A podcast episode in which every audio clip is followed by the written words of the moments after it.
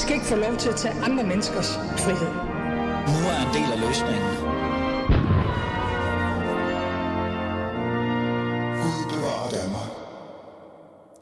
Ja, som altid. Gud bevarer Danmark. Velkommen til. Du lytter til Alis Fæderland, og mit navn er Ali Amin Ali. Forsvarsforbehold. Forsvarsforbehold, forsvarsforbehold, forsvarsforbehold. Det kan vi jo ikke lade være med at forholde os til. Og det har jeg jo også besluttet for, at vi skal forholde os til her i Fædrelandet, For det er nemlig vigtigt, hvad vi stemmer her den 1. juni. Jeg vil gerne finde ud af, øh, hvad skal jeg egentlig stemme? Jeg har jo tidligere sagt det med program, jeg reelt set selv er sådan lidt i tvivl om, hvad jeg skal stemme. Men jeg er også lidt i tvivl om, om danskerne selv har forstået, hvad det er, de skal stemme øh, altså om. Og når jeg siger om, så betyder det virkelig det, jeg prøver at sige, det er, er politikerne egentlig gode nok til at fortælle os, hvad der er op og ned i det her? Hvorfor er det, vi overhovedet skal stemme nu? Har det noget med den russiske invasion af Ukraine at gøre? Er det noget helt andet? Hvad er det egentlig, der er på spil? Jeg har lavet et par afsnit, hvor jeg har inviteret øh, folketingsmedlemmer og partiledere for den sags skyld i studiet og bedt dem om at forklare mig, hvad er egentlig op og ned på alt det her. Så det vil jeg også gøre i dag. Så nu ringer jeg Alex Vandopslag op øh, og håber, han selvfølgelig tager telefonen. Det regner med, at han gør. Hej Alex. Hej Alex, øh, velkommen i Fæderlandet, kan man jo sige. Alex, jeg ringer til dig, fordi jeg står her i Smilets by i Aarhus, en by, du også godt kender til, kan man jo sige. Mm-hmm. Men øh, ja. nu øh, er jeg her, og du er i København. Du har jo nærmest øh, forladt ja. Fæderlandet, Alex. Det er jo forfærdeligt i sig selv, ikke? Men... Ja, men jeg skal til Aarhus på, på torsdag, hvis det er en trøst. Det er faktisk en trøst. Men Alex Vandopslag, det er jo dig. Du er jo partileder for Liberal Alliance. Du er liberal, men du er også det, man på en eller anden måde skal være lidt, hvis man skal være lidt fræk, sige en lille smule EU-skeptiker. Alex Vandopslag, mm-hmm. jeg vil jo gerne tale med dig om forsvarsforbeholdet. Det her med, at vi skal stemme den 1. juni, og hvad det så er reelt er, vi skal stemme. Øh, altså, hvorfor også for den sags skyld. Men før jeg sådan rigtig går mm. i gang med det, Alex, så er jeg jo interesseret i at høre Alex Vandopslag, partileder for Liberal Alliance. Hvad synes du, jeg skal stemme? Jamen, du skal stemme ja til at afskaffe forsvarsforbeholdet, så øh, vi giver Danmark mulighed for at øh, deltage i de øh, missioner, som der er i øh, EU-regi. Øh, det har vi afskåret selv muligheden for, øh, for at deltage i i dag, og det er jo øh, de sidder fjollet og ulogisk og tjener på ingen måde Danmarks interesser. Øh, der er jo blandt andet en indsats i forhold til flygtningestrømmen i Middelhavet, som jeg synes, Danmark skal deltage i. Og man kan jo sagtens forestille sig, at der i fremtiden også i EU-regi vil være nogle, øh, nogle fælles operationer, øh, som de enkelte lande kan byde ind i, øh, som understøtter NATO's indsats i forhold til, til alt, hvad der sker på den østlige flanke. Og jeg kan ikke se, hvorfor vi ikke skulle give Danmark mulighed for at deltage i det. I dag der har vi afskåret selv muligheden for det. Så selv for en EU-skeptiker som mig, så er det sådan helt evident og åbenlyst, at vi skal stemme ja den 1. juni det er jo, altså, det er jo klart tale, synes jeg. Øh, og, og du kommer med de, øh, som jeg også kender, og, og, og det er jo lige det, vi så skal dykke ned i. Altså de her begrundelser for, hvor vi skal stemme øh, ja for fjernet, altså afskaffelse af forsvarsforbeholdet. Øh, men før mm-hmm. vi lige gør det, Alex, så vil jeg bare lige sige til vores lyttere også, I er jo også altid velkommen til at deltage i den her samtale med mig og Alex, hvis I har lyst. I kan skrive ind på 92 45 99 45 92 45 99 45, så vil jeg gøre mit bedste for at tage jeres indspark eller idéer, eller hvad det nu end er, I gerne vil tage med mig og Alex, så skal jeg nok få det med i programmet. Øhm, Alex Vandopslag, lad os lige starte med det her med øhm, EU-det skeptiske. Øhm, har du altid sådan tænkt, at det her forsvarsforbehold, det skal afskaffes? Det har i hvert fald altid været Liberal Alliances politik, men jeg må også indrømme, øh, og det har jeg sådan set aldrig været uenig i, øh, men jeg har været sådan meget øh, optaget af andre ting i EU-regi. Det er ikke sådan et forsvarsforbehold, der er fyldt mest for mig. Det har været mest været i de områder, hvor EU øh, blander sig uretmæssigt i dansk politik. Altså på det seneste har det været sådan noget med, hvordan skal mor og far fordele barsel, hvor mange kvinder skal der være i bestyrelsen, og hvor lang skal en arbejdsuge være, mm. og så videre, og så videre.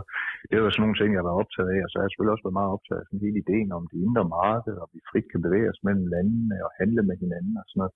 Så det er ikke været sådan forsvarsforbeholdet, der, der er fyldt mest, også fordi EU spiller jo ikke en særlig stor rolle på forsvars- og sikkerhedspolitik. Nej. Øh, men, men jeg ser bare ingen grund til, at Danmark skal have et forbehold. Altså, vi har jo ikke forbehold over for andre lande. Selv lande, vi ikke gider samarbejde med, Rusland eller Kina eller sådan noget, dem har vi jo ikke et forsvarsforbehold imod.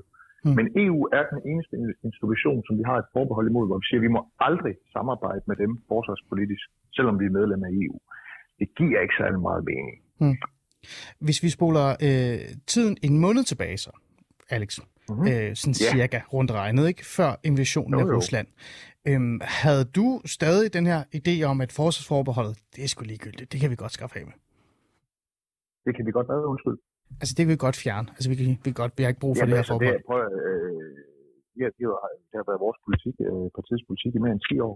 Jamen, jeg tænker mere dig. Jeg er, lidt, jeg er nysgerrig i forhold til dig, hvad du tænkte. Sådan. Nå, men øh, min, min holdning er uændret. Jeg synes, det er en god idé at afskaffe forsvarsforbehold. Det har jeg altid synes. Hmm. Øh, er det direkte øh, påvirket også af, af krigen i, øh, i Ukraine?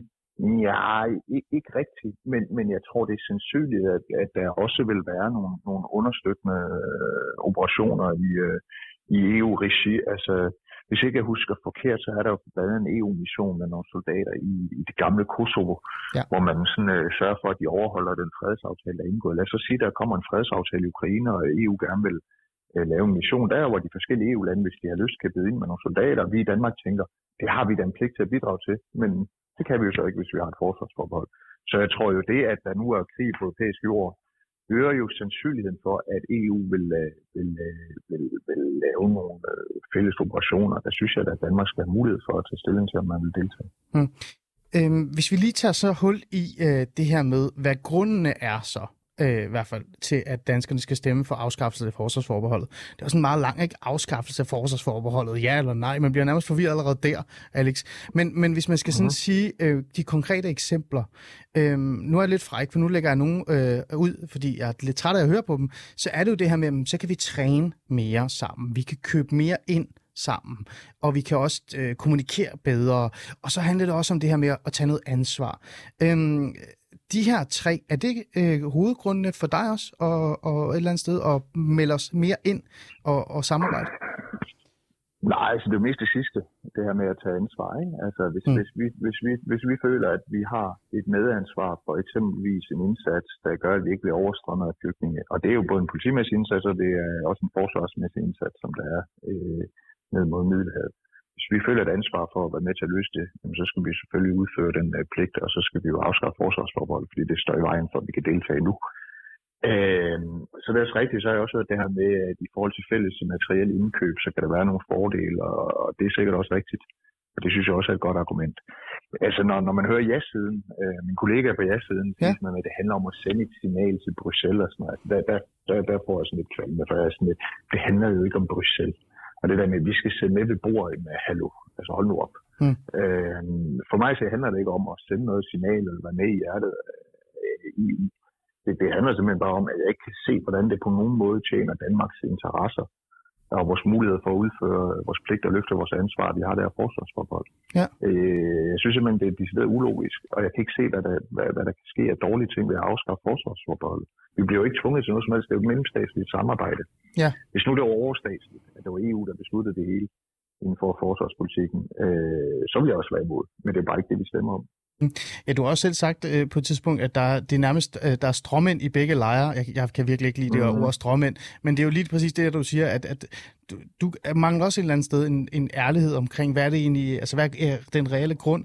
Øhm, nu nævnte du det selv, øhm, for eksempel det her med at melde sig ind i det frie, øh, den frie verden og sådan nogle ting. Søren Pape Poulsen, øh, som er partileder for Konservativ Folkeparti, han har været ude med det der med, at nu skal vi melde os ind i den frie verden.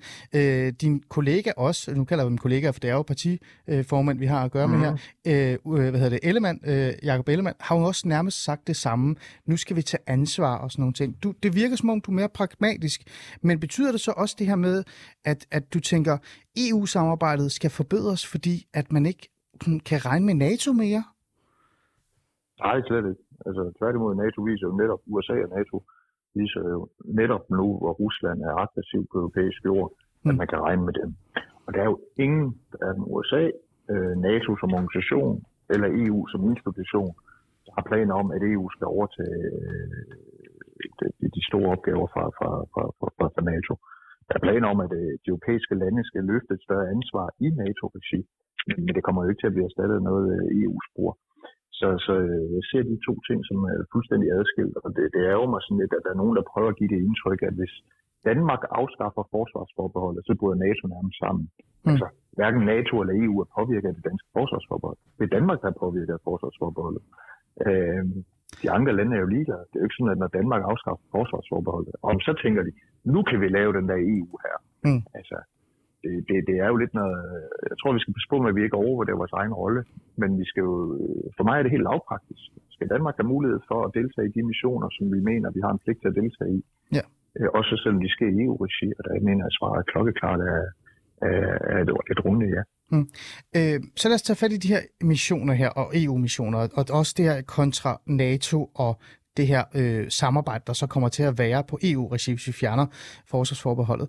Øh, nogen vil jo sige, eller det er mig, jeg tror også mange andre vil sige, at NATO er en, en sådan forsvars... Øh, de har en forsvarstilgang til ting. De skal forsvare, de skal værne, hvis der sker et eller andet voldsomt eller drastisk, de skal forholde sig til.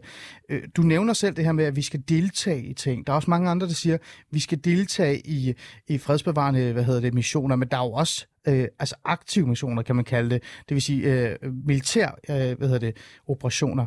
Er det her øh, mm. mere en aktivistisk forening, lad os sige det på den måde, end NATO? Og er du øh, okay med det? Ja, altså NATO har jo i hvert fald siden øh, øh, krigen i Afghanistan jo ikke haft nogen sådan, øh, hvad skal man sige, aktivistiske missioner. Øh, man kan også diskutere, om det var forsvar eller ej.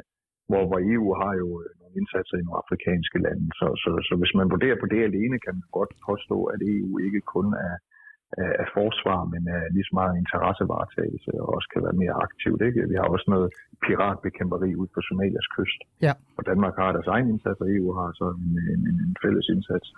Øh, det kan man godt sige, at det er for at forsvare Danmark. Ja, for at forsvare danske øh, sø, handlende søfolk, ikke? Men, men altså, jeg synes ikke, det, det, det, det er det, der er så vigtigt om, om øh, hvad, hvad typen af missioner er. Det, der er vigtigt, det er, skal vi have mulighed for at deltage i de missioner, vi, vi finder fordelagtigt. Hmm.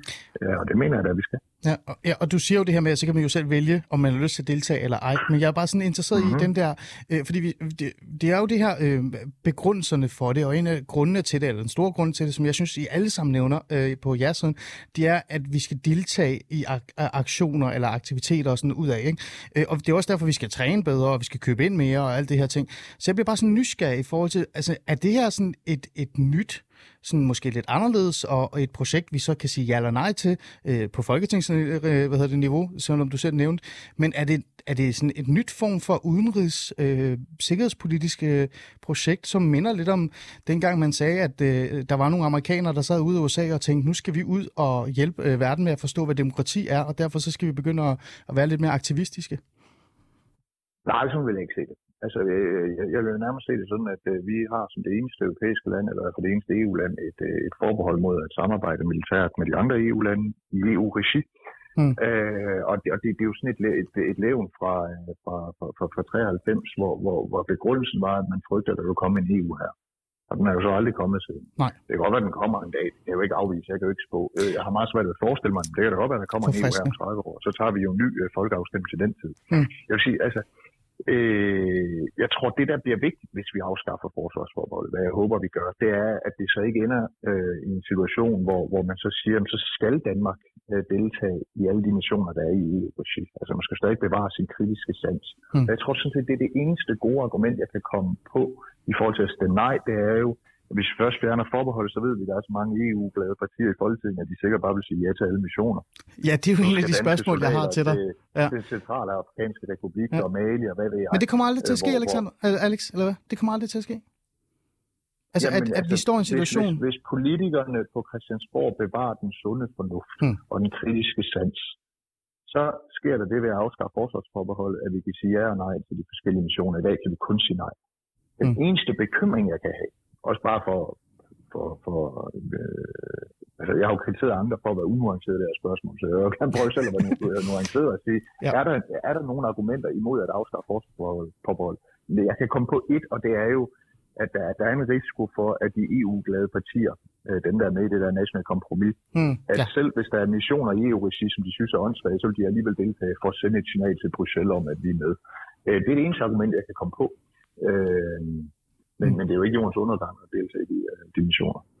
Nej, men kan du forstå det her med, at, at, øh, at man reelt set bliver nødt til at følge lidt op på, på det her med, at vi skal træne bedre, vi skal købe mere ind, vi skal samarbejde mere, og vi skal deltage i flere ting, så bliver man jo nødt til at prøve at få vores politikere og øh, partiformand som dig, Alex Vandersflag, til at forholde dig til, jamen så betyder det jo også, at et nej til, eller et ja til afskaffelse af forsvarsforbeholdet, betyder jo også, at vi i sidste ende hvad kan vi sige, træner imod, arbejder imod at sende danske tropper ud for at varetage en eller anden form for interesse. Kan du forstå, at det er også en vigtig samtale, man skal have?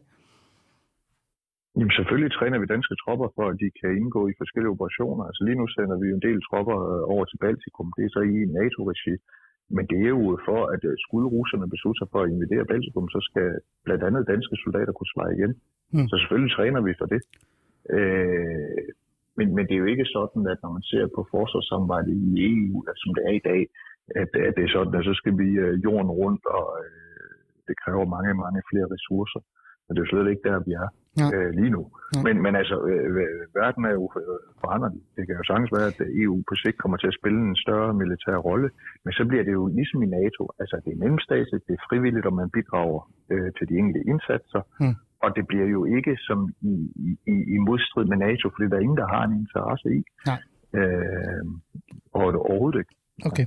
Uh, vi skal lige have nogle spørgsmål med, så jeg skynder mig lige at stille dig det sidste, uh, mit eget spørgsmål, og så tager vi vores lytter med. Uh, det skal vi også have med. Uh, Alex, det her det er jo et scenarie, jeg har stillet op et par gange for andre så nu gør jeg det også for dig, selvom vi faktisk har været forbi det. Og det gør jeg jo, fordi at vi netop har haft en, uh, en udenrigsminister, Jeppe Kofod, nu er han så socialdemokrat, det er jo ikke noget, du skal stå til ansvar for, som har været ude at sige uh, et par uger før, uh, tror jeg faktisk, jeg tror det var 1. februar, han sagde det, at der er ikke noget, der gør forsvarsforbeholdet, som er som det er nu. Der stopper os i at øh, altså sådan føre den her udenrigs-, forsvars- og sikkerhedspolitik, som vi gerne vil. Så der er ikke nogen grund til at, sådan, at melde os 100% ind. Så jeg bliver bare nødt til sådan at være sådan lidt, hvis vi nu skal fjerne det her, hvis det er virkelig en ny virkelighed, vi står i, hvis det er det er, som du altid har sagt, det, har du, det siger du her, at det er en god idé at, at være mere med i det her, kan du så fuldstændig udelukke her til, til, øh, til os øh, danskere, at der kommer ikke til at være en scenarie, en situation, hvor man for eksempel har sagt nej én gang, sagt nej to gange, sagt nej tre gange, syv gange til at deltage i militære aktioner, som Frankrig eller Tyskland gerne vil have, at vi skal deltage i. Afrika, andre steder. At vi ikke kommer til at stå i en situation, hvor øh, politikere som dig og andre går hjem og sidder i Folketinget og tænker, vi skulle jo tage ansvar. Vi skal jo tage ansvar. Måske er det på tide, at vi sender danske tropper ud for at varetage øh, andres interesser, for ellers så er der ikke nogen grund til, at vi med det her. Jeg, jeg, jeg er ikke helt sikker på, at jeg forstår spørgsmålet rigtigt, men altså, jeg kan jo først og fremmest øh, tale på min egen vej, og der kan jeg i hvert fald roligt garantere for, at hvis der er en anden øh, fælles mission, der er jo blandt andet i den centrale afrikanske republik lige nu, der sker i EU-regi. Der vil jeg ikke stemme for i Folketinget, at Danmark skulle deltage, for jeg er svært ved at se, hvorfor. Mm. Kan jeg afvise, at det øh, forholder sig sådan hos andre partier, særligt dem, der er regeringsbærende gerne vil være det, at bare fordi det er EU, så vil de sige ja. Nej, det kan jeg ikke afvise. Okay. At, øh, de har jo generelt sådan en super ukritisk tilgang til alt fra EU, hvad der er jo forundrer mig. Men, øh, men, men, men på trods af det mener jeg selvfølgelig, at vi skal afskaffe forsvarsforbeholdet, fordi for mig at se er det helt lavpraktisk. Har, tjener det Danmarks interesser, at vi kan melde til og fra i forhold til nogle fælles missioner? Hmm. Ja, det er klart, det tjener Danmarks interesser, derfor skal vi afskaffe forsvarsforbeholdet. Og dertil, altså, vi lever i en mere usikker tid. Øh, der er krig på europæisk jord. Så hvis der kommer en, en, en mere fokuseret indsats fra EU's øh, e side, der skal supplere NATO-arbejdet, så mener jeg da i særdeleshed også, at vi, vi, vi skal være med der. Øhm, så, så for mig er det, det er helt lavpraktisk. Det, det er ikke ideologi hverken den ene eller den anden vej. Okay, godt. Alex, nu skal du have nogle spørgsmål for, for vores uh, lyttere. Uh, der er en, der skriver her, uh, hvorfor er Liberale Alliance egentlig EU-skeptiske? Det er et sjovt spørgsmål. Jeg tænker, det er, fordi man ja, tænker på den liberale og altså hele den liberale jo, gruppe også, for eksempel på EU-niveau. Det, det kan også hurtigt misforstås, som om, at vi vil ud af, af EU, og det vil vi på ingen måde overhovedet. Øh, jeg er enormt øh, stor tilhænger af kernen i EU-projektet, altså øh, frihed, fred og samhandel, at, det, at vi, vi kan bevæge os frit, at vi kan handle frit, at vi, vi satser på også at, at handle med, med andre dele af verden, øh, at vi insisterer på, at øh, i Europa er vi øh, retsstater, der, der ikke har lov til, til, til, til hvad som helst. Så det er en kæmpe stor tilhænger af, og jeg var helt vild med, med ideen om EF, altså inden det blev til, til, til EU. Mm. Og jeg mener også, det giver god mening, at vi samarbejder om grænseoverskridende problemer. Altså, at vi finder ud af nogle fælles investeringer i forhold til den grønne omstilling, en ordentlig beskatning af forurening, at vi håndterer flygtningeudfordringerne i fællesskab, det vil sige beskytter de ydre grænser, og at vi samarbejder sikkerhedspolitisk og forsvarsmæssigt, når det giver mening. Alt det er jeg tilhænger af, men når jeg er skeptisk over for store dele af det, der kommer fra EU, så er det fordi, det blander sig i så mange områder, det ikke burde blande sig i. Uanset om det er skattepolitik, eller arbejdsmarkedspolitik, eller barselspolitik, eller hvor mange kvinder der er i bestyrelserne ude i virksomhederne. Og jeg kunne blive ved. Der er så mange områder, hvor, hvor de går ind og overtager det, der burde være op til de, de enkelte lande. Mm. Og, og det er jo ikke nogen tilfældighed, at uh, alverdens socialister er gået fra at have EU, fordi det var sådan et kapitalistisk liberalt projekt, til at knuse elske EU, fordi det er blevet en måde at tvinge alle lande til at være røde på. Uh, så, så det er derfor, jeg har det der ambivalente forhold til EU. Jeg synes, vi skal være med i EU, og vi skal forsøge at ændre det indenfra. Mm. Men, men, men jeg er skeptisk over for meget af det, der kommer fra, mm. fra, fra, fra Bruxelles. Så, så det er jo et komplekst emne, og øh, jeg tillader mig at have alle de her nuancer. Ja, det, det er jo kun positivt. Det kan vi godt lide i Fæderlandet. Uh, Alex, bare sådan et opfølgende spørgsmål så til det her, før vi går videre til, til de andre. Det skal vi også lige nå. Vi har mm-hmm. 3-4 minutter.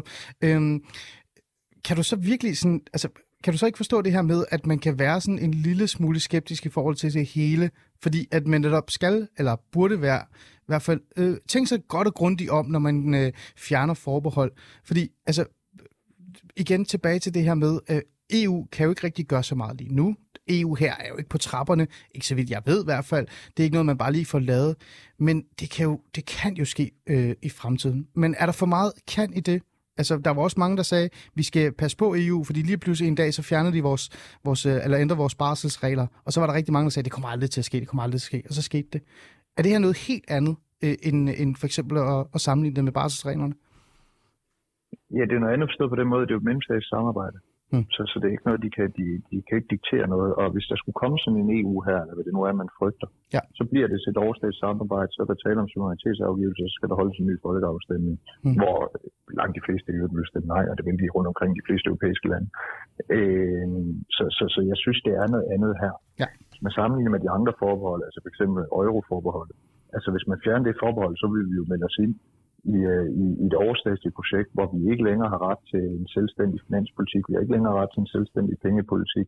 Vi begynder lige pludselig i højere grad at være forpligtet på at subsidiere de sydeuropæiske lande, fordi de har en ringe økonomi. Okay. Altså det vil virkelig være suverænitetsafgivelse. Ja. Jeg kan bare ikke tale om her med forsvarsforbeholdet. Okay. Og skulle det udvikle sig i en uhensigtsmæssig retning, altså det bliver overstatsligt, mm jamen, så tager vi jo en ny folkeafstemning. Mm. Grunden til, at jeg lige lavede den her, det er jo fordi, det er jo en af de der, øh, nej-siden kører rigtig meget på, ikke? Det er, du kan jo ikke stoppe dem. Hvis du fjerner det, så, så er det jo bare en direkte vej til EU her, ikke? Så det er bare lige for at få det med. Der er en anden... Nej, altså må man jo også bare spørge sig selv. Ja. Altså, hvis EU ønsker at skabe den her, tror folk så virkelig, at det er det danske forsvarsforbehold, der afholder dem fra at gøre det. Altså, det er jo rent nonsens. Hmm. Godt spørgsmål. Øh, der er en anden en, Anders Nielsen fra Aalborg, der har skrevet, det er jo ikke Frontex, der, er stor, der står for EU's ydergrænser. Ikke forsvaret. Frontex er bemandet af politi. Stop med at formidle løgne. Jeg ved ikke, om det er dig, der har formidlet den løgn, øh, som Anders påpeger her. Men, men der er jo mange, der siger, at hvis vi fjerner forsvarsforbeholdet, så kan vi også blive bedre til at, at, altså, at værne om de her EU's ydergrænser. Øh, er, det en, er det sådan noget spin, Alex, der? Nej, det er ikke spændende. Altså i, mm. i, i det omfang, at, øh, at, øh, at, at vi øh, arrangerer beskyttelsen af de ydre grænser i forsvarsregi. Det er rigtig noget af det er i politiregi. Men, men i det omfang, det sker i forsvarsregi, så kan Danmark jo ikke deltage. Og der må vi jo bare forvente, at det er jo en af de områder, der kommer til at fylde rigtig meget for EU de kommende år. Det bliver jo beskyttelsen af de ydre grænser. Ja. Det kan jo ikke kun gøres med, med, med, med politi alene, hvis det skal være effektivt. Okay. Sidste spørgsmål øh, fra, fra lytterne, og så siger jeg tak øh, for, at du vil være med. Øhm, er man som liberal ikke imod at bruge penge på forsvar?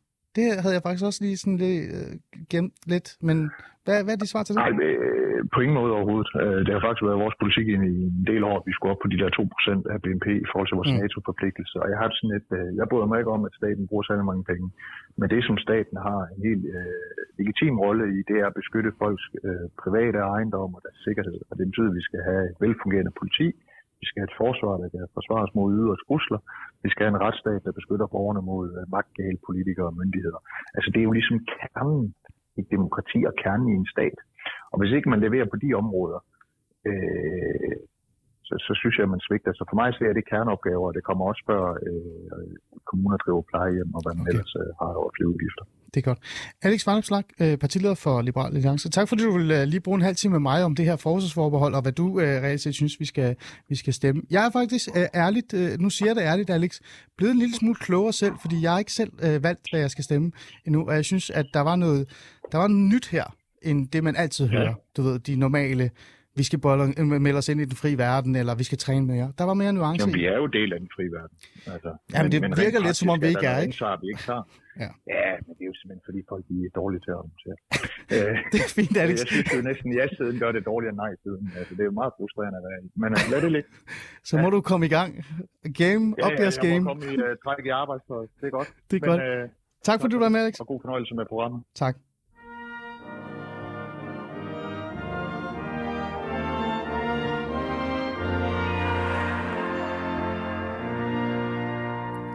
Du lytter stadig til Alice Fæderland, og mit navn er stadig Ali Minali. Vi har lige haft Alex Vanopslag øh, igennem, som er partileder for Liberale Alliance, og det vi talte med ham om, det var det her med, hvad skal jeg egentlig, eller hvad skal vi folket stemme her øh, den 1. Øh, juni, når vi skal stemme i forhold til forsvarsforbeholdet? Skal vi sige ja til fjerne afskaffelse forsvarsforbeholdet, eller skal vi nej og status quo? Jeg synes, der var nogle gode, nuancerede øh, svar, som man godt kan bruge øh, fornuftigt. Øh, så, så det var faktisk en fornøjelse at have med. Men vi skal have noget andet på menuen. Sådan er det, når man er i Aarhus, så er buffeten øh, vigtig, og øh, det minder lidt om flammen. Google selv, hvad flammen er. Det er altid skønt. Ulla, velkommen til. Tak, Ali. Fantastisk. God lyd, det er skønt. Ulla Kokfeldt, du er byrådsmedlem for Nye Borgerlige i Helsingør og folketingskandidat i Nordsjællands Storkreds. Øh, også for Nye Borgerlige, forhåbentlig. Jeg håber ikke, det er et andet parti, vel? Ulla, du er med i, øh, i anden øh, afsnit, eller anden del af programmet Alice Fæderland, fordi vi skal snakke om noget helt andet. Og det er sådan en lille teaser, fordi vi går i gang lige om lidt, Ulla, for jeg skal lige ringe en anden person op øh, i forhold til noget helt tredje. Men jeg tænker lige, lad os lige lave den her teaser. Jeg har jo øh, inviteret dig ind i mit studie, fordi at du lavede det her Facebook-opslag, som jeg, fa- jeg faldt over. Jeg læser det bare lige op, Ulla, øh, hvis det er okay. Ja. Det lykkes. Jeg vandt. Den tyrkiske islams, øh, islamuddannelse øh, er nu fjernet fra listen over SU-berettede uddannelser i udlandet. De danske myndigheder kunne ikke få svar på optagelseskravene, men en del af kravene kendte og godkendte de. For eksempel, at man skulle være udgift, og at der blev lagt vægt på Koran, øh, jeg tror, citater, ikke? Recitation. Jeg tror, det er recitation, du har skrevet. Recitation, ja. Præcis. Jeg skriver mere, men lige nu er jeg bare glad. Hele sagen er baseret på en aktindsigt, jeg søgte. Det er, sådan, det er virkelig en god teaser. Ulla, jeg vil jo gerne høre, hvad der er op og ned på den her historie, og hvad det er, der reelt set sker, og, og hvad der er sket. Altså, hvad er det dog for noget, du har fundet ud af, øhm, og hvor situationen er nu? Men før jeg gør det, og vores lytter kan være med, så har jeg jo også lige aftalt med dig, Ulla, jeg lige ringer en advokat op i forhold til en helt anden sag. Så øh, ja. vi vender lige tilbage til dig, og så ringer jeg lige øh, Erbil op. Så venter vi lige på, at øh, der kommer en opkald her. Sådan. Det jeg er i gang med nu, det er jeg faktisk ved at ringe til Ahmed Samsons advokat, Abel Kaya, som jeg håber selvfølgelig tager telefonen. Hej Abel, tak fordi du tog telefonen. Ja. Jeg er ved at fortælle, hvorfor ja, jeg er ved at ringe til dig. Abel, ja, okay. øh, du har jo hoppet lige pludselig ind i mit program, fordi der skete noget her i weekenden. Lad mig lige bare lige opresumere lige kort, hvad det er. Øh, det er en sag, der har kørt i rigtig, rigtig mange år om den her person, Ahmed Samson. Er han øh, terrorist? Er han medlem af islamisk stat nærmest, er der nogen, der er ude at sige? Eller er han øh, faktisk, eller har han været en agent for fædrelandet? Kan man jo på en måde godt øh, øh, cementere, hvis det virkelig er rigtigt. Har han været agent for PT og Forsvars efterretningstjeneste? Det, der skete, det var, at øh, der kom øh, lidt mere nyt ud i Berlinske her i, i weekenden. Og øh, det nye, det var jo, at øh, Ahmed Samson selv fik lov til at sige nogle ord. Han blev til det interviewet, og han havde nogle masse historier, som jeg synes, man kan gå ind og læse øh, og, og forholde sig til. Det er ikke det, vi skal tale så meget om øh, i dag.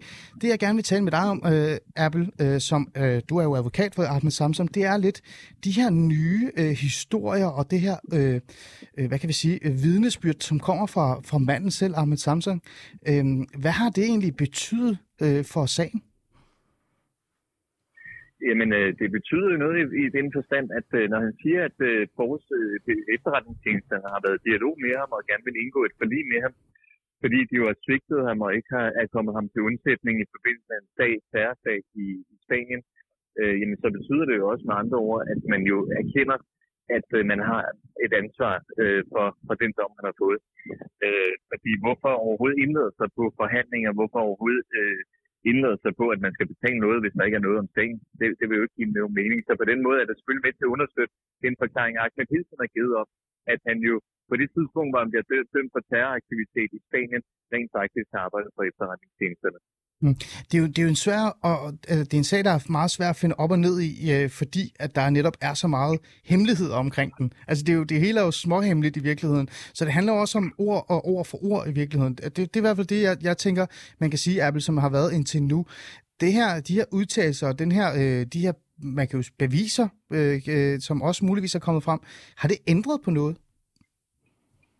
Jamen det er klart, jo flere ting, øh, jo flere små ting, der kommer frem. Øh, jeg er selvfølgelig helt med på, at det her det er jo ikke smoking gun, og det er jo ikke noget, øh, som, som domstolen nødvendigvis vil tro på, øh, ved at man bare siger et eller andet. Men det er klart, jo flere små ting, der kommer frem, øh, som understøtter den forklaring, som øh, Ahmed siger, så er det det ene, så er det det andet, så er det det tredje, og så nu det her også, øh, som kommer frem med, at han, øh, at han har fået besøg, mens han er afsonet i september måned sidste år, hvor, på, hvor to øh, masser af Frederik øh, angiveligt skulle de hedde ja. systemerne, de kommer øh, og taler med Ahmed. Altså alt det, øh, der, der, der bevæger sig rundt omkring Ahmed, og det, som han fortæller, og det, som understøtter den forklaring der, jo flere ting, der popper op af den slags ting, jo større muligheder og chancer har vi for at nå, nå i mål med vores påstand. Mm. Ja, der har jo også været snak om, at der, han har fået et, et, et, i hvert fald tilbudt et millionbeløb øh, og så videre og så videre. Alt det kan man øh, lige øh, hurtigt læse op på, og man kan også lytte til det program, jeg har lavet øh, før, øh, som også handler om Ahmed Samsom. Der, der er masser at lige finde på. Men jeg synes bare, det er interessant netop at lige få lov til at have dig med som hans advokat, for også lige forstå lidt. Altså sådan, øh, jeg kunne ikke lade være med at sidde og tænke, da jeg læste det her, øh, den her nye udvikling, der er kommet, eller der er i Berlinske og DR og så videre, som også øh, nævner det her. Det er sådan, hvad, er egentlig, sådan, hvad vil I egentlig have ud af det her? Hvad er det, Ahmed Samson vil have ud af det her? Jamen, øh, Ahmed, han er jo, for at sige det som det er, han er jo en meget bitter mand. Øh, fordi han har jo gjort noget, i, som du sagde, Fæderlandets tjeneste. Og øh, tanken for det, hvad det, det er, at han får øh, 8 års fængsel i Spanien, og man kommer ham til undsætning, men hjælper ham ikke. Øh, så om, at man, han har prøvet på alle mulige måder at råbe dem op, og indgå et forlig, og gå i dialog, et drøftelser osv. osv. Men alle har været tavse. Øh, der er ingen, der har hjulpet ham. Der er ingen, der har... Altså, han er jo blevet udsat for justitsmord med andre ord, mm. og, og han har sat livet på spil oveni. Øh, og, og tanken for det, det er, øh, at han stadig på femte år øh, sidder og afsoner den dom, han har fået i Spanien. Så hans eneste mulighed nu, det er at komme frem med hans historie. Det er det, det, er det eneste våben, han har i den kamp, der hedder, at han skal renses. Fordi det er jo ikke bare et spørgsmål, om man har sat livet på spil, og man øh, er dømt med urette. Altså det, at man er dømt for at have tilsluttet sig ISIS, jamen det er også, altså det, det er jo det er også ens betydende med, at han er en færdig mand på alle ledere kanter. Hans anstændighed, hans værdighed, hans stolthed, hans ære, ja. det hele det er tabt. Ja. Altså, som menneske kan han have svært ved at gå på gaden, fordi folk jo naturligvis vil have en opfattelse af, at det er du, det, du er dømt for, uanset hvad du siger. Det er jo den sandhed, som befolkning og som pressen okay. og som alle andre opererer ud fra. Ja. Øhm, vel, nu er det her jo sagt, og nu har Ahmed Samsom selv været ude og, og sætte ord på, hvad det er, han har oplevet. Øh, og, og på en eller anden tidspunkt, så skal retten jo finde ud af, hvad der skal ske med den her sag. Øhm, står du egentlig med en god eller en dårlig sag? Det personligt synes jeg, at vi står med en rigtig god sag. Mm. Øh, det er jo selvfølgelig, det, når, når vi kører sagen, så er det selvfølgelig også, der skal, skal sandsynliggøre, øh, at øh, det, som Ahmed siger, det er også korrekt. Men jeg synes, der kommer jo øh, mere og mere frem konstant, øh, som, som tyder i den retning, som Ahmed siger. Han kan fortælle meget detaljeret og meget sikkert omkring tidspunkter, omkring hvad der er hent, hvad der er sket, hvornår det er sket, med hvem det er sket osv. Alt det, det vil naturligvis komme frem i, i retten. Og de små brudstykker, der har været, øh, som er, er, er kommet ud i pressen, det er jo fordi, at, at det, det har kunnet sandsynliggøres på den ene eller den anden led. Og vi har hørt okay. både DR Berlingske, som har fat i den her historie, sige, at de fra troværdige kilder inden i øh, efterretningstjenester jo også har fået den samme historie bekræftet, som Ahmed har fortalt hele tiden. Mm, okay. Hvornår kommer den her sag egentlig sådan, øh, øh, sådan rigtig for retten, eller hvornår kommer man frem til en konklusion, tror du? Eller tror du, altså, øh, Erben, du spørger dig noget rigtig dumt, ikke? Men det er også noget, jeg har snakket med mig, et par stykker af mine venner med omkring, øh, omkring alt det her i weekenden. Kommer der overhovedet en konklusion på det her? Ja, altså konklusionen øh, falder jo, når det er, at, øh, at, at retten har talt på et eller andet tidspunkt. Øh, og der, hvor vi er nu, det er, at der har været noget øh, skriverier frem og tilbage, øh, altså en stævning øh, i december måned, øh, som vi lagde ud med, så der er kommet svar fra kammeradvokaten på vegne af efterretningstjenesterne. Mm. Og lige nu er vi der, hvor landsretten skal tage stilling til, om det skal begynde i byretten eller landsretten. Øh, begge parter mener, at den skal starte i landsretten på grund af sagens principielle karakter og på grund af øh, de samfundsmæ- den samfundsmæssige rækkevidde, den her sag har, og øh, retsudviklingen i det hele taget. Og når landsretten så forhåbentlig tager stilling til, til det meget hurtigt, og, og, og sagen måske kan starte i landsretten, jamen, så vil det så blive sat frister for, hvornår vi skal afgive en replik, som det hedder. Og, øh, okay, og så kommer helt processen. Ja. Ja, så forhåbentlig, forhåbentlig øh, det, det, slut, slutningen af i år eller starten af næste år, håber jeg på, at vi kan komme i retten og få en afgørelse. Okay. Sidste spørgsmål. Øh, så slæver jeg dig, så du kan stikke af og komme på arbejde igen, og så skal du nok regne med, at du skal være med i mit program øh, øh, mange gange øh, fremadrettet. Men det er noget andet. Øh, øh, Erbil, ærligt, ikke? Øh, konkrete beviser. Har I det egentlig? Har I nogle konkrete beviser, som kan være med til at hjælpe, at den her sag får øh, den slutning, den, den har behov for i virkeligheden? Den, den, den ærlige version af det, det, er, jamen, det har vi jo ikke. Altså, det ville også være mærkeligt, hvis vi havde det forstået på den måde, at altså, efterretningstjenesterne, de opererer, altså den måde, de opererer på, det foregår ved mystik, ved hemmeligholdelse, ved at der ikke er nogen, der skal vide noget som helst, at man ikke sætter så spor. Mm. Øh, fordi opereret af efterretningstjenesterne anderledes, så var det jo ikke en efterretningstjeneste, eller også var de ekstremt amatøragtige. Så selvfølgelig har vi jo ikke et ansættelseskontrakt, selvfølgelig har vi ikke pengeoverførsel, lønoverførsel, selvfølgelig har vi ikke optagelser osv. Men vi har så meget andet, der til sammen, øh, øh, efter min klare overvisning, vil kunne godt gøre, at det, som Ahmed siger, det er fuldstændig korrekt. Okay, men så virker det jo også som om, det er en svær sag, er det ikke det?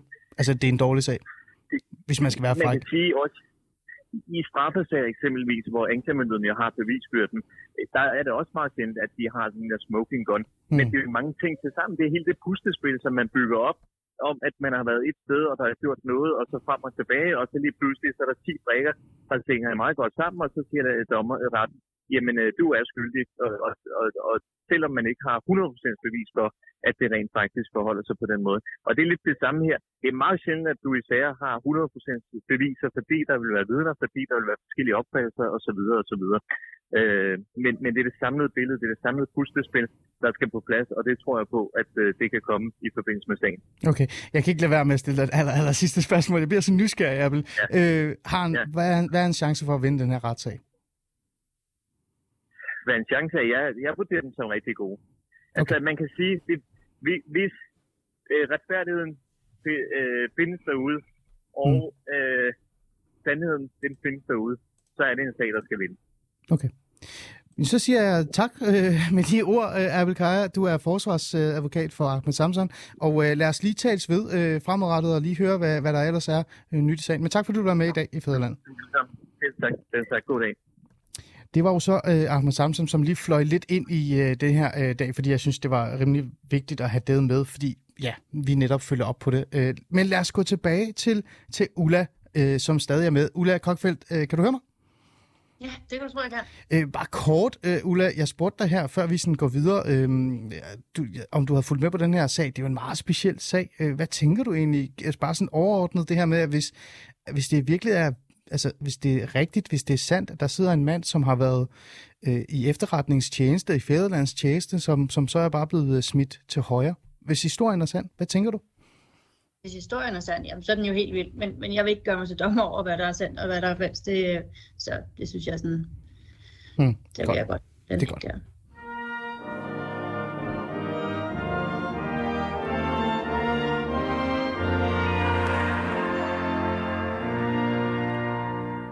Hvad der så ellers er sandt, øh, Ulla, og lavede lige en godt uh, break, så vi kan komme videre, det er jo det her med, at det lykkedes dig, og du vandt.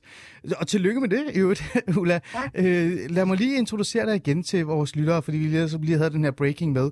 Du er byrådsmedlem for Nye Borgerlige i Helsingør, og så er du folketingskandidat i Nordsjællands Storkreds øh, for igen Nye Borgerlige. Og så skete der noget en dag, jeg sætter det virkelig op, ikke? Som om, at det er sådan en, ja. en film nærmest. Man kunne godt lave en lille miniserie ud af det her, tror jeg. Ulla ja. Kokfeldt, hvad var det, der skete?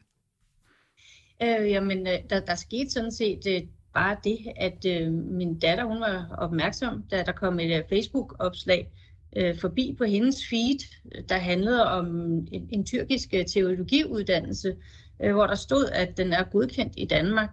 Og at, øh, det var direktoratet for religiøse øh, anlægner i Tyrkiet. Øh, det var deres opslag, både på tyrkisk og på dansk, og det var Dansk-Tyrkisk Islamisk Stiftelse, der sendte det ud. Og så sender hun det til mig, og så tænker jeg, det var da godt nok mærkeligt. Jeg laver også et Facebook-opslag, og øh, ved egentlig ikke rigtig, hvad jeg skal gøre med det. Der er nogen, der kommenterer og siger, det er da virkelig mærkeligt. Og, men det der med, hvad betyder det egentlig, at en uddannelse er godkendt? Den får jeg ikke helt skovlen under der. Mm. Øh, det gør jeg først sådan et par måneder senere, hvor jeg får lavet en aktsindsigt, øh, får snakket med nogle mennesker og bliver enige om, at det, det vi skal søge om, det er at finde ud af, hvad betyder at den er godkendt? Er det SU? Og hvad ligger der til grund for godkendelsen? Godt. Så hvis man skal beskrive kort, det det, det reelt handler om, det er, at der muligvis, eller er, der har været, kan man jo så sige, Ulla, øh, uddannelser, som vi, øh, som er superrettet, som vi bruger vores skattepenge på og, og sende penge til i udlandet, der måske ikke, eller der nok ikke, kan man godt sige, lever op til de værdier og de, øh, de tanker og de, de drømme, vi har for et helt normalt demokrati. Er det ikke rigtigt? Jo, øh, altså fordi man kan sige, at uddannelser, der godkendes til SU, de må ikke være konfessionelle. Altså der må ikke stilles religiøse krav i, i uddannelser, og mm. når det kommer fra direktoratet for religiøse anlæggende og fra Dansk Tyrkisk Islamisk Stiftelse, sådan nogle opslag, jamen, så synes jeg godt, at man kan stille spørgsmålstegn ved det. Øhm, og så fik jeg jo også alle de her øhm, bilag, der lå til grund for godkendelserne. Mm. Og hvad var det så, du fandt ud af, da du... Øh... Ja, og hvad var ja. det for et billede, det viste? Lad os høre. Jamen, det var jo, altså, det her med bare at kalde det for, for teologi, det var måske sådan lidt vidløftigt, fordi det var i den grad islamisk teologi, og det var kun islam, islam og er der islam på hele uddannelsen. Øhm, og altså, jeg vil nok sige, at det, det overraskede mig meget, at man kunne gå ind og godkende det her. Jeg vil sige, at styrelsen havde jo alle dokumenterne, øhm, men man har altså vurderet øh, ud fra de dokumenter, man så havde indhentet, fra eleverne, fordi man skal jo selv søge om godkendelsen, mm. at det her det var godt nok til, til en godkendelse til SU. Okay. Øhm, og det, det er i hvert fald, vi taler om her i hvert fald, hvis vi skal være lidt konkret. Det er ja. to tyrkiske uddannelser, ikke? Som du kom, kommer helt ned. Ja, ja, en i Konya ja. og en i Kayseri. Mm. De to byer. Mm. Øh. Og da du så sad der og tænkte, okay, der er noget helt galt her. Øh, jeg må reagere på det her. Hvad gjorde du så, og hvad var reaktionen så, da du begyndte at, at tage handling? Ja, men jeg tænker over, hvad sådan skal, skal jeg gøre med det her. Øhm, men jeg må egentlig bare konstatere, at det er sådan, det er. Øhm, efter det her opslag på Facebook, så så jeg jo så også, var jeg kigge på Fast Track uddannelsen, for at se, hvad det var for nogle teologiske uddannelser, der så lå. Ja, kan du lige sætte ord på, hvad øh, Fast Track er, bare så vores lytter kan være med? Fast Track, jamen det er, hvis du som dansk studerende gerne vil til udlandet og studere, så kan du søge om at få en uddannelse godkendt, og det får man for fire år gangen, og man skal sende forskellige typer dokumentation ind og så får gennemgår styrelsen den, og så får man at vide, om man kan tage til udlandet og studere sin uddannelse eller ej. Mm, okay. Øh, og, og hvad var det så, du, øh, du sådan lidt kom frem til, at der var de her, og der var ikke så meget at gøre, sagde du, eller hvad? Øhm, jamen, jeg, jeg, jeg, jeg talte jo med styrelsen. Jeg fik, så da jeg søgte den her agtindsigt, så, mm. øhm, det var på et tidspunkt, hvor jeg fik lidt overskud til det, fordi at øh, det gik hverken værre eller bedre, end at jeg fik corona og blev lukket inde i tårnværelset oh, i en fuldstændig isoleret og kede mig. Nej, ikke kede mig ikke. Det gjorde jeg absolut ikke. Men jeg fik den her arkitekt, og så havde jeg tiden til den, hmm. til at studere den øh, ordentligt og nøje og se, hvad det var.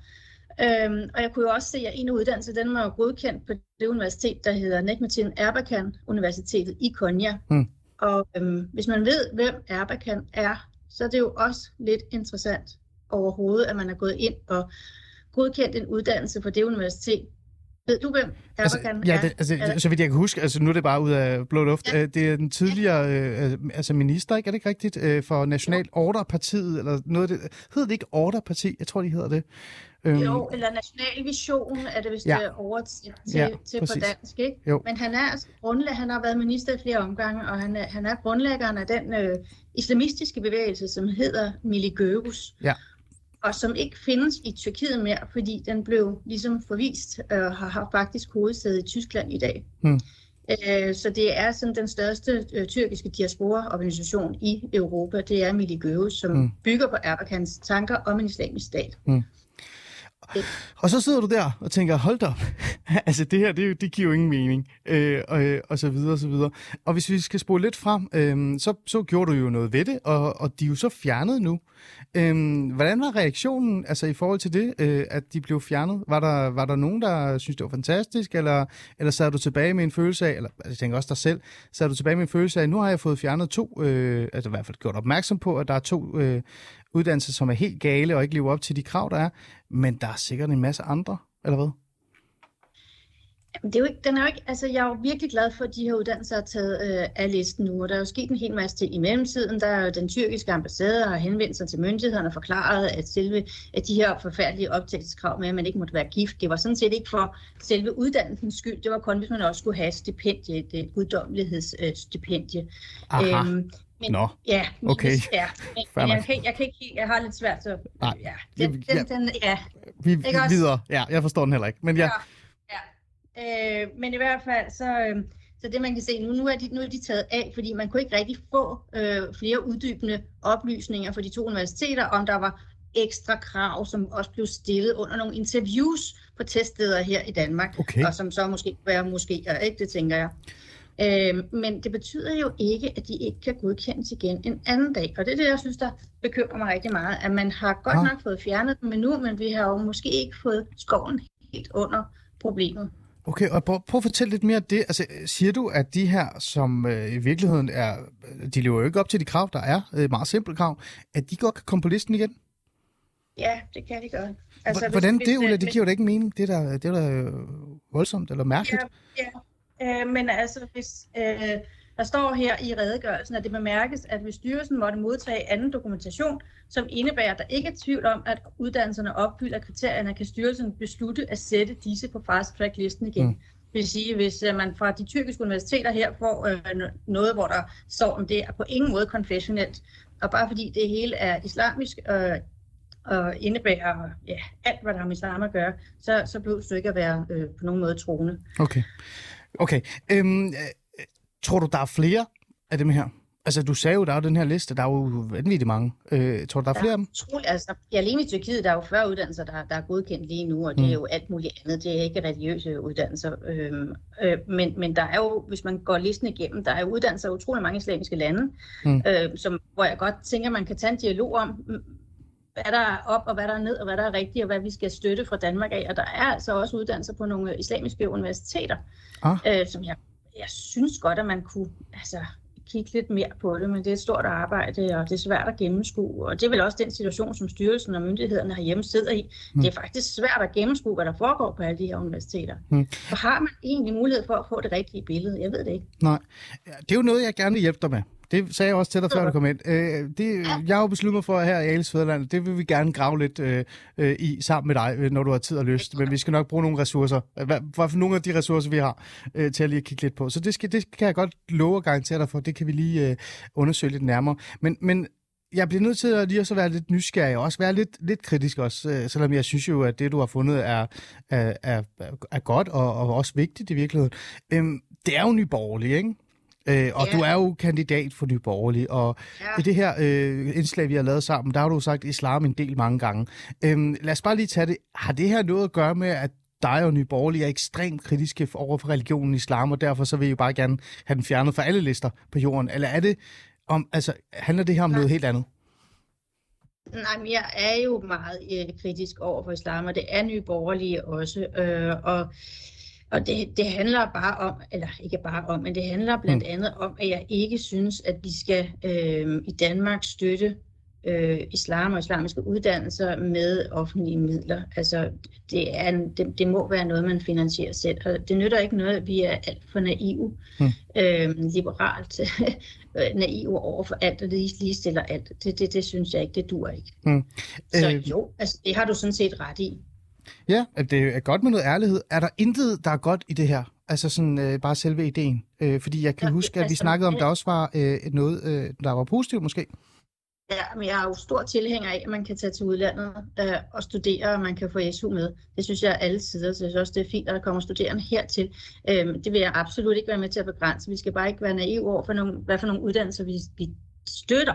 Men, men øh, når man kigger på listerne, så kan man se, at man kan også studere, jeg mener, det er noget demokrati i, i, i Libanon på et, øh, i, et universitet i Beirut, hvor man tænker, sådan en arabisk master i det. Jeg kan ikke præcis huske, hvad den hedder. Nej. Men hvor man tænker, kan det virkelig hænge sammen? Når man går ind og kigger på, på universitetet, så synes jeg faktisk, det ser tilforladeligt ud. Så tænker jeg faktisk, at jeg er da glad for, at der findes sådan en, øh, en uddannelse i, i, i, i Libanon. Øhm, men der, hvor der er andre universiteter, øh, jeg synes, der ser mere øh, ja, meget øh, religiøst konforme ud. Hmm.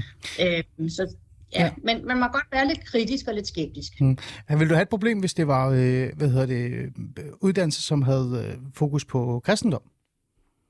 Øhm, Jamen, det og jeg, her snakker jeg ikke bare om normal, altså nu siger jeg normal kristendom, du må godt komme efter muligheder bagefter, hvis det er, men jeg snakker om øh, altså, stærk religiøs, øh, øh, måske endda, det nogen kalder hvid sharia for den sags skyld. Øh, vil, vil du have noget mod det også? De skal ikke være konfessionelle. Altså uddannelser, der, der godkendes til SU, skal ikke være konfessionelle konfessionel lige meget. Mm. Ja, synes jeg. Altså i udlandet. Det, der må jeg, der må jeg sige, vi, vi kan jo godt, man kan jo godt uddanne sig til præst herhjemme, mm. og det har selvfølgelig noget andet, men vi har også en sær, særstilling for kristendom i vores øh, grundlov. Så, ja. Ja, vi har religionsfrihed, vi har ikke religionslighed. Det kender vi jo godt alle sammen. Øhm, godt. Ulla, øhm, er du bekymret for, at, øh, at der er på listen, eller har været på listen, øh, hvad det nu end er, uddannelser, som øh, faktisk ender med at, at få nogle af vores danske borgere, som tager ned og bliver uddannet, til at blive øh, radikaliseret eller andet. Er der noget bekymring? Er der noget frygt i det her også? For jeg tænker, at det er jo ikke fordi, du bare sætter dig ned og kigger på en liste og tænker, nu vil jeg gøre dagens gode gerning og finde ud af, om der er noget, der er ulovligt eller ej. Er der noget, du er bekymret for her, Ulla? Ja, altså jeg ved ikke, hvor mange uddannelser, der har været øh, godkendt før fordi jeg kan jo kun se et øjebliksbillede på fast-track-uddannelserne. Hmm. Så det, det ved vi jo ikke. Men, men, øh, men det, det, det, som de her tyrkiske uddannelser, synes jeg, lægger op til, hvis man går virkelig ind og kigger meget dybt i dem, ja. det er det. Jeg opfatter dem personligt som en form for missionæruddannelser. Øhm, okay. Altså, hvor man sørger for, at man får uddannet øh, tyrkiske folk med tyrkiske rødder til at komme til Danmark og ligesom kunne holde hånden under et, et, et religiøst samfund her. Hmm. Øh, det er jo ikke det, man siger direkte, men man siger det også direkte, hvis man går ind og kigger på rigtig, rigtig mange ting. Så det, altså religiøs forkyndelse, det er en del af det, mm. af det, man kan komme til at arbejde med. Mm. Og nogle af opstagelseskravene, det er også, at man skal kunne have lignende, man skal kunne en lignende uddannelse her i Danmark. Okay. Og så har jeg også på styrelsen, hvad så betyder det så, at nu har vi åbnet en ladeport for, at vi skal lave imamuddannelser. Mm. Det er jo ikke en direkte imamuddannelse det her, for det er også kvinder, der studerer det. Men stadigvæk, det, det kan bruges som forkyndelse, og det er det, som vi så har støttet, mm. og stadigvæk støttet, mm. med, med SU'en. Mm. Fordi og, den fortsætter jo til uddannelsen er færdig. Ja, og Ulla, det bekymrer dig, eller hvad? Altså, det er jo det, jeg vil gerne vil prøve sådan at finde ud af, fordi altså, er, er der noget af det her, der bekymrer dig rigtig meget? Altså, er du bange for et eller andet? Øh, altså, er der, er der en frygt i det her også? En, en, en, ikke frygt, jeg vil, der er bare sådan en, en, øh, en holdning til, at det, det er mm. ikke noget, vi skal støtte øh, mm. i Danmark. Øh, og, og, og når vi snakker Dianet, så er vi øh, meget tæt på, på Erdogan, øh, og jeg kan ikke se, hvorfor vi skal bruge penge på at få øh, udbredt det i Danmark, fordi det er folk, der nok kommer tilbage her til og arbejder inden for, for samfundet. Okay. Ulla, jeg lovede jo dig, at, øh, at, øh, vi ville lave det her lille indslag i dag sammen, hvor jeg kunne fortælle om, hvad ja. det var, du har fundet, og det lykkedes dig, du vandt. Men jeg lovede dig også, at uh, vi ville sætte os ned og kigge på det her. Jeg sagde det her lige før som teaser også. Er du frisk på det, at vi sætter os ned og sammen og kigger på det her, og lige udliciterer noget af dit arbejde til mig, så kan det være, at Fæderlandet kan kigge på det. Fordi at, uh, for at se, om der er flere af de her uddannelser. Du, du går bare i gang, Ali. Jeg skal nok. Det kan du få, det glæder jeg mig til. Det, jeg vil meget gerne komme. Nu udliciterer du dit job. Ja. Jeg synes jo, det er interessant, du lærer at sætte sig ned og finde ud af, er der måske flere af de her, øh, ligesom der var de her to tyrkiske islamuddannelser, ikke? Fordi at øh, ligegyldigt hvad, hvor kritisk og ikke kritisk man kan være over for islam, eller hvad det er, religiøs forkyndelse, ja så skal man jo stadig leve op til lov og regler. Længere er den ikke. Ja. Så det tror jeg, vi vil gøre ja. i Fæderlandet. Øh, så tak, Ulla, øh, for at, øh, at fortælle mig om, hvad det er, du har fundet ud af, og, og tillykke også med, med, at du vandt, kan man jo godt sige. Det var lidt frækt sagt, ikke? Jo, tak. Ulla Kokfeldt. Om vi finder noget. det må vi finde ud. Ulla Kokfeldt, tak fordi du, du er med i dag. Og til jer lytter øh, derude, tak fordi I også øh, lyttede med. Tak til Alex Varnopslag for at fortælle mig, hvad jeg skal stemme. Forhåbentlig så har han ændret noget i jer, men måske også lidt i mig. Og tak til Abel Kaja, som er hvad hedder det, advokat for Samsam, for at give os en opdatering. Øh, det var alt for i dag. Lyt med igen i morgen, som altid. Nu er der nyheder. Du lytter til nyhederne på 24 /7.